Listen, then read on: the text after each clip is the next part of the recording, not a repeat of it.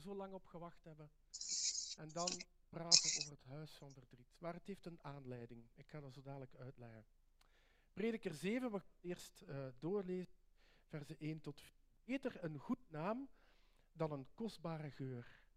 De dag waarop je sterft is beter dan de dag waarop je wordt geboren. Ik weet het, het zijn hele ingrijpende woorden van een wijs man.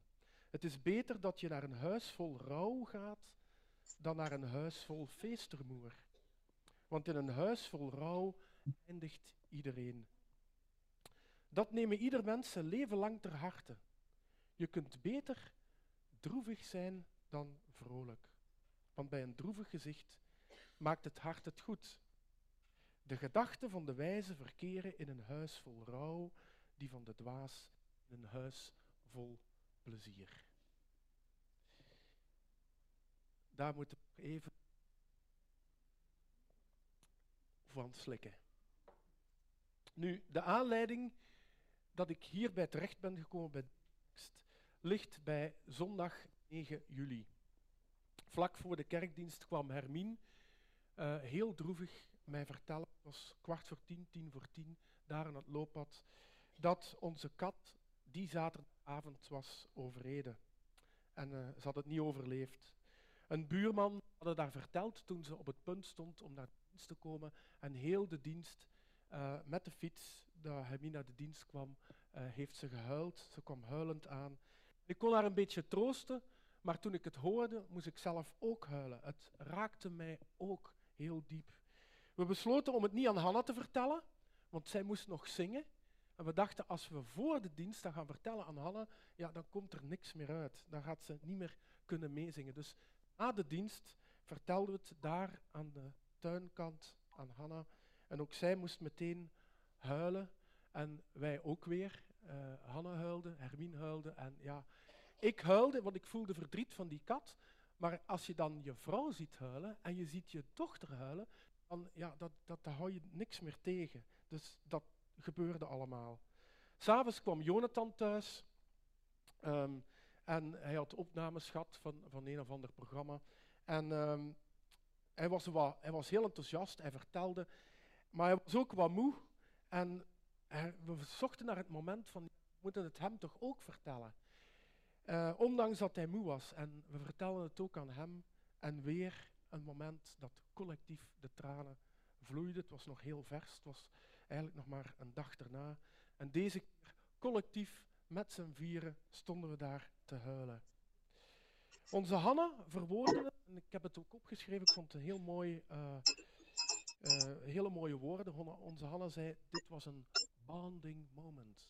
Een moment van verbondenheid Weliswaar in verdriet, maar het was een moment in ons gezin van verbondenheid. En die gebeurtenis en de dagen daarna heeft echt wel diep ingegrepen in mijn gevoelsleven. Veel meer dan ik had gedacht. Ik dacht altijd, ja, een kat, een dier, dat is toch maar een dier.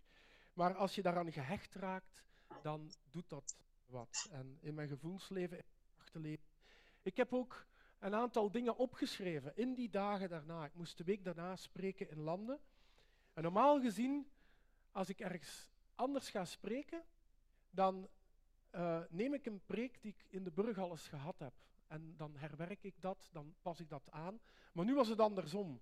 Nu dacht ik, ik ga in landen die spreekbeurt geven en dan daarna wil ik dat in de burg brengen. Nu is het al een paar weken geleden. Nu kijk ik er ook weer anders naar en uh, heb ik ook een aantal dingen aangepast. En u denkt misschien, ja, goh, Chris, goh, uh, een kat, moet je daar nu zo ophef rondmaken? Is dat niet wat overdreven? Zoveel tranen? Nu, dat is wat ik tien jaar geleden ook zou gedacht hebben. Ja, hoe kunt je nu zoveel verdriet hebben van een kat? Ja, en toch, het is moeilijk uit te leggen, maar ik denk dat het te maken heeft met de kat zelf. Wij noemden hem Wally. Dat is nogal wollig taalgebruik. Wally. Hij was de liefste kat die ik ooit ben tegengekomen. En Hermine, Hanna Jonathan kunnen dat beamen. Zachtaardig. Je kon hem als een baby in je arm houden. En het enige wat hij deed, als, als je iets deed wat hij niet wou, was... Dan, dan gaf hij zo aan van, ja, eh, ik wil dat eigenlijk niet. Maar zo zachtaardig, kon zo lief miauwen, er zat geen kwaad in. Het leek wel een kat van voor de zondeval. Er zat niks, je kon ermee doen wat je wou. En we waren er alle vier aan gehecht. Echt met, met, met, met onze gevoelens, de rituelen, het miauwen, het spelen met de kat. Uh, en van de ene op de andere dag viel dat weg. Um, nu, we hebben ze ook gezien, was uh, dus bij ons in de buurt gebeurd. En we hebben ook die zondagnamiddag um, de kat in onze tuin, achter mijn tuinhuis, een grote put. Andreas heeft mij geholpen, want ik moet een beetje oppassen voor mijn rug. Dus uh, een grote put en we hebben daar de kat op een uh, mooie manier uh, begraven en afscheid genomen. Ja, een kat, verdriet. En dat, als ik daar nu op terugkijk, dat was is moeilijk. Ik heb nog altijd geen oplossingen van waar moest dat nu gebeuren. Maar toch heb ik gezien dat het een aantal goede dingen heeft uitgewerkt. Een aantal gedachten wil ik met jullie delen. Ten eerste, verdriet stuurt ons hart in de goede richting. Ik weet niet, ah ja, er is nog één slide. Dan kun je even de tweede slide. Als het goed is, is er nog eentje hierna. En daar zie je de kat op. Lukt dat om de tweede? Ja, dat was hem. Dat was toen hij, uh, denk een paar weken oud was. Dat is een hele ja, lieve kat. Maar verdriet stuurt ons hart in de goede richting. Niemand kiest ervoor, maar verdriet kan ons hart in de goede richting sturen. Verdriet helpt om onze prioriteiten goed te stellen. Wat is nu echt belangrijk in het leven? Waar leef ik voor? Waar maak ik mij druk om? Het is soms goed om op een begrafenis te zijn. Dan sta je even stil. Het moment dat je stilstaat, dat je nadenkt over het leven. En misschien maken we ons wel om veel onbenullige dingen druk. In het huis van de rouw, in het huis van verdriet, krijgen we scherp inzicht in de essentie van het leven. Het is goed om te, vertouwen, te, te vertoeven in het huis van de rouw. God is daar ook met zijn liefde en zijn troost.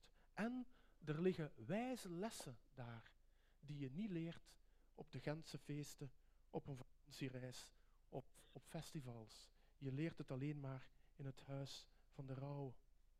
Ten tweede, dat leven aangehaald, of Hanna, de woorden van Hanna, verdriet kan samenbinden. Samen verdriet hebben geeft een band.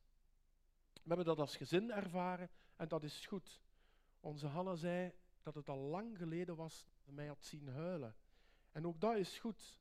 We mogen ons verdriet aan elkaar tonen. Ook in de gemeente. Het loopt niet altijd van een leien daakje. We lopen tegen heel wat dingen aan. En de ene zondag is die verdrietig of ontmoedigd of is er wat mis. De andere zondag is het iemand anders. En zo mogen we met elkaar, als één lid leidt, mogen we een beetje met elkaar meeleiden. Mee bonding moment hebben. 1 Korinthe 12, vers 26. Als één lid leidt, leiden alle andere leden een stukje mee. Een derde gedachte, misschien wat eigenaardig, maar ik ga het proberen uit te leggen. Geef anderen niet de schuld. In verdriet kan je soms anderen de schuld geven. En daar komt dan boosheid bij. In, ons, in onze situatie eh, hadden wij makkelijk boos kunnen worden op de buurman. We hebben dat bewust niet gedaan.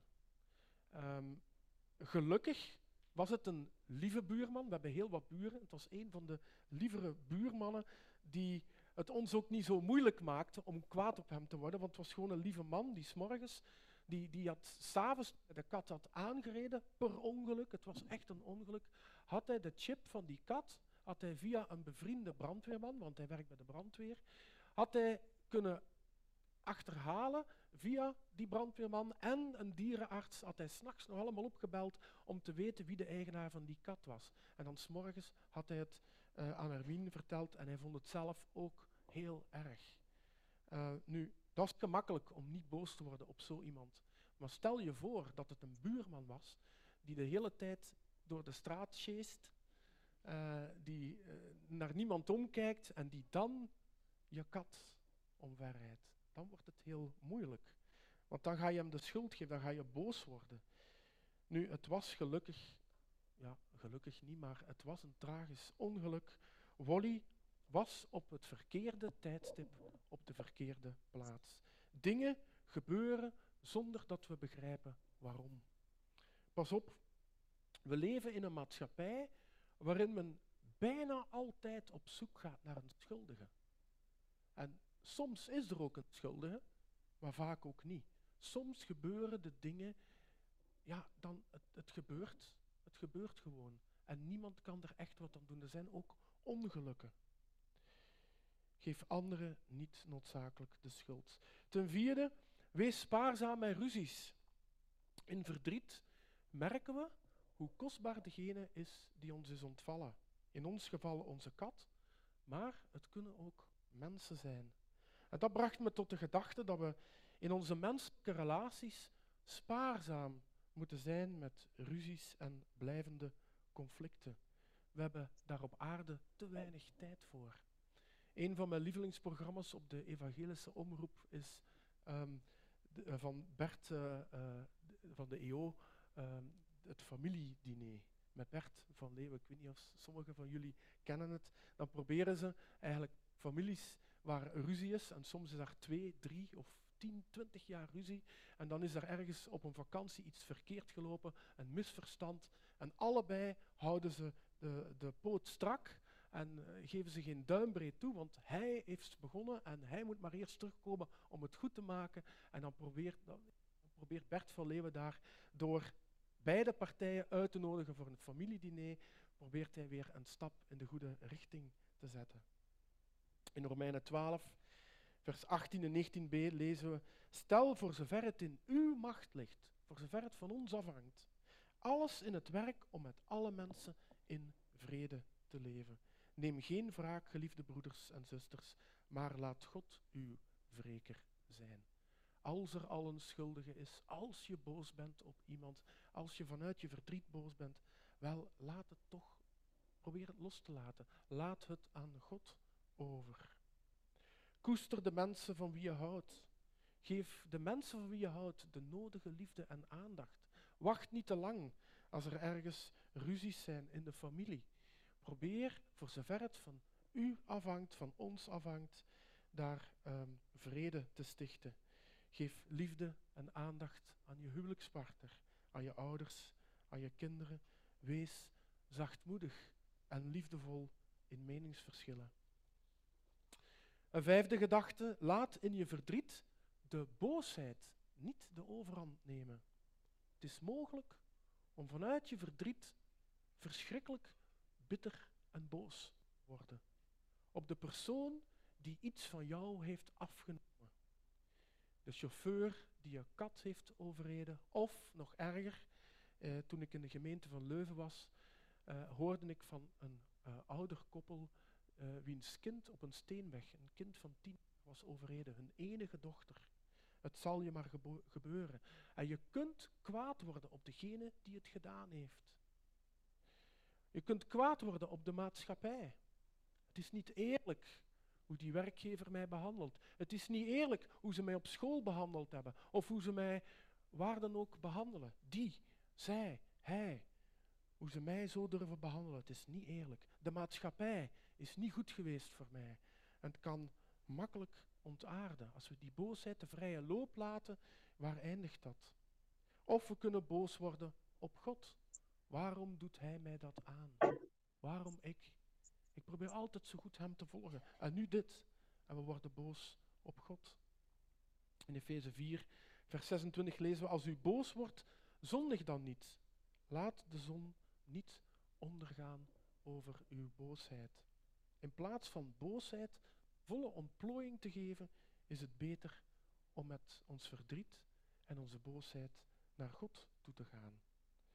Werpt al uw zorgen, geef al uw zorgen aan Hem. We hebben het er vanmorgen ook over gezongen. Want Hij zorgt voor u. Hij is het die begrijpt. Hij die troost. Hij die uitkomsten biedt. Hij die ons draagt van dag tot dag. Bij Hem mogen we ons verdriet en onze boosheid uiten. Een zesde gedachte, het zijn er tien in totaal, dus we zijn uh, over de helft eigenlijk. Verdriet om het verlies van een geliefd dier of een geliefde persoon helpt ons om de eindigheid van het leven op aarde te zien. Vanmorgen was er al een didactische les. Er was een dode vogel. Sommigen van jullie hebben die ook gezien.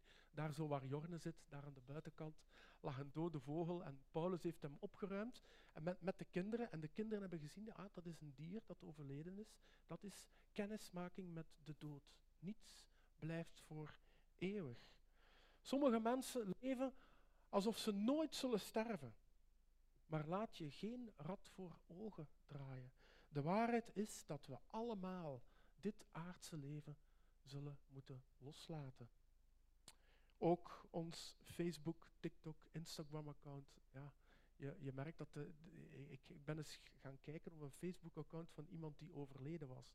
Dan wordt het zo op een bepaalde manier ingesteld, ter nagedachtenis. En de familie beslist dat, hoe ze dat doen, maar dat kan. Hè? Dus dat je na je Facebook-account nog een stukje blijft bestaan nadat je uh, overleden bent. Maar uiteindelijk zal dat allemaal toch stoppen. Ook materiële bezittingen. We zullen alles, alles in dit leven moeten loslaten. Niets is eeuwig, behalve God. Behalve onze relatie met God en onze relatie met elkaar in God. Het gras verdort, de bloem verwelkt, maar het woord van God houdt eeuwig stand. Um, we moeten ons trainen, denk ik, in het zijn met eeuwige dingen. Het woord van God. Een zevende gedachte. In verdriet is het troostend om dankbaar te zijn. Het doet pijn om te voelen wat je ontnomen is. Dat, dat, dat is een scherpe pijn in je hart. Maar een troost daarbij is om dankbaar te zijn wat God je gegeven heeft. Wally, onze kat, heeft maar twee jaar, is maar twee jaar bij ons geweest. Daar hadden we verdriet over. Maar aan de andere kant waren we dankbaar dat hij twee jaar bij ons geweest is. En we zijn dankbaar voor de mooie zegeningen die God ons schenkt via de dierenwereld. Soms hoor ik mensen zeggen dat een hond of een kat hen beter begrijpt dan een familie of mensen. Heel triest vind ik dat, zo'n uitspraak. Aan de ene kant aan de andere kant vind ik het ook troostrijk dat mensen, vaak alleenstaande mensen, zoveel troost kunnen vinden bij een kat of een hond of een ander huisdier. Dankbaar zijn. Toen mijn schoonvader op 31 oktober 1995, ik weet het nog altijd heel goed, die datum, hoorde dat hij ongeneeslijke longkanker had, waren de eerste woorden die hij zei, laten we danken alle gezonde jaren die we hebben gehad. Dat moet je kunnen. Ik weet niet wat ik zou zeggen, wat mijn eerste woorden zou, zou, zouden zijn, maar het is mij altijd bijgebleven. Wat een knop dat hij kon omdraaien en dat hij dankbaar kon zijn, ondanks zijn ongeneeslijke situatie. Achtste gedachte, lijden in ons leven zal nooit volledig te doorgronden zijn hier op aarde. We weten dat een gevolg is van de zondeval. Maar waarom een specifiek lijden hier en nu op mijn weg komt, dat blijft een raadsel. Dat kunnen we niet volledig ontrafelen. En tegelijk kunnen we zeggen dat God er iets goed mee bewerkt. Hij vormt ons karakter. Hij trekt ons dichter naar Hem. Hij gaat met ons mee in ons verdriet. God doet alles meewerken ten goede van hen die Hem liefhebben, staat er in de Romeinenbrief. In ons geval vond ik dat God op een hele bijzondere manier gewerkt heeft in de week na het overlijden van onze Wolly. Ik heb met drie, vier verschillende buurmensen gesprekken gehad aan de hand van onze kat die overleden was. Hele goede gesprekken. Eén gesprek de maandag al met een buurvrouw die vertelde dat Wolly vaak ook bij haar kwam. En Wolly had dan een broertje, dat was dan Gaston, en die speelden met elkaar. En toen de vrouw vertelde daarover, en ze zei ook dat, ze vertelde ook over het lijden dat de afgelopen twintig jaar uh, in haar gezin haar overkomen was. Ze heeft een dochter verloren aan kanker, ook erg een kind verliezen. Mijn oma heeft het, heeft het twee keer meegemaakt. Ik had een hele goede band met mijn oma, maar mijn oma heeft moeten meemaken dat mijn moeder en mijn tante eerder zijn overleden dan haar. Is moeilijk en het is nooit volledig te doorgronden. En toch werkt God daardoorheen.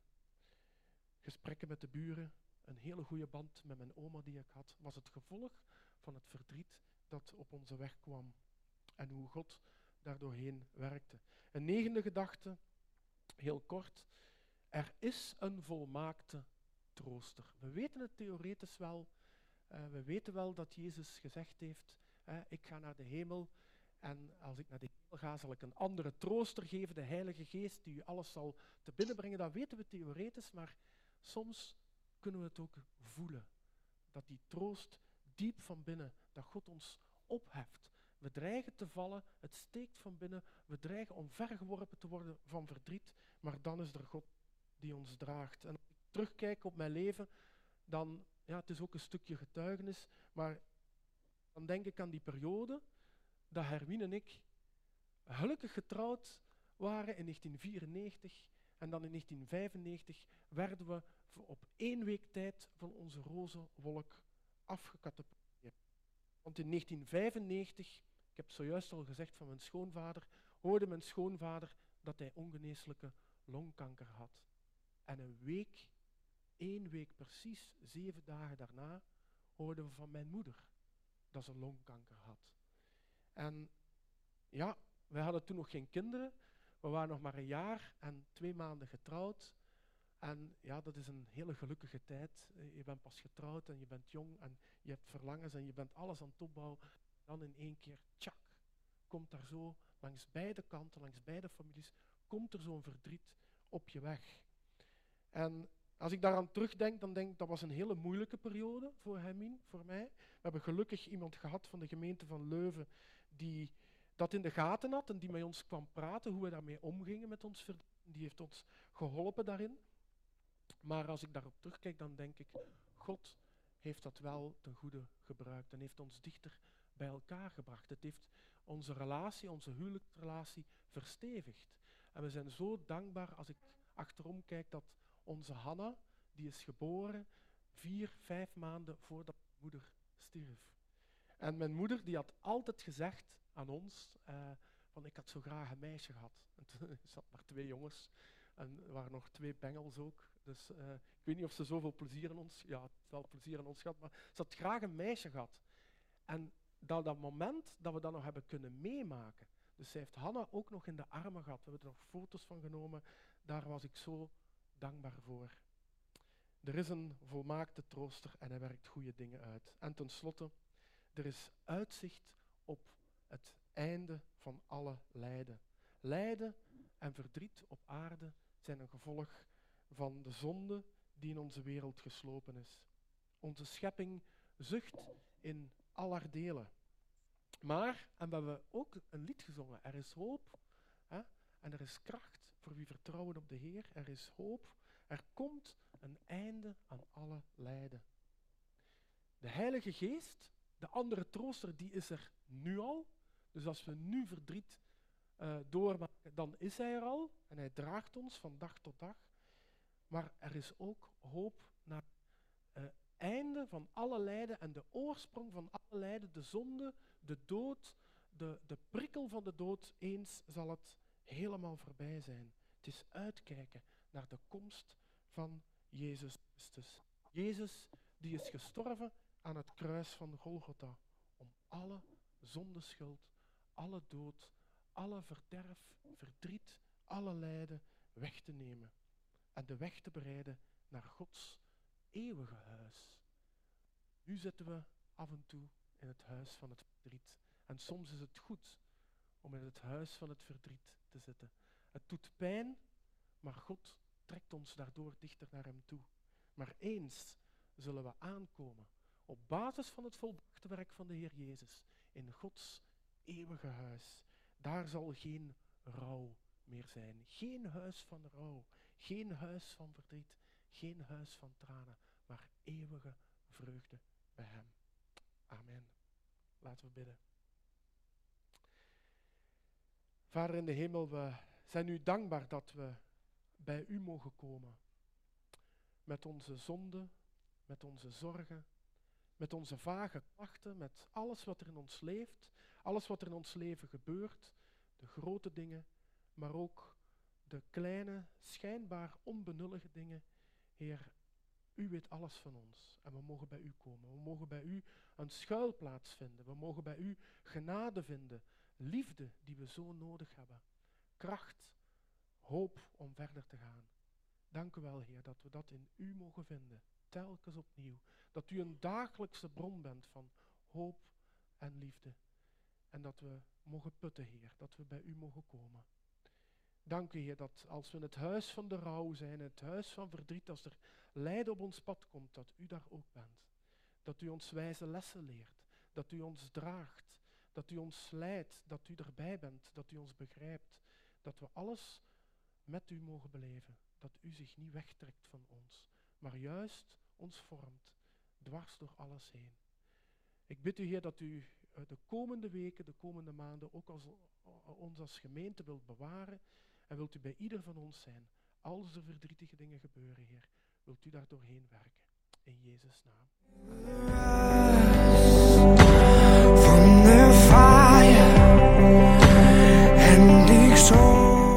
Wil je naar aanleiding van deze preek napraten of heb je verdere vragen? Neem dan gerust contact op. Dat kan via veg.deburg.gmail.com of kijk op onze Facebookpagina VEG De Burg.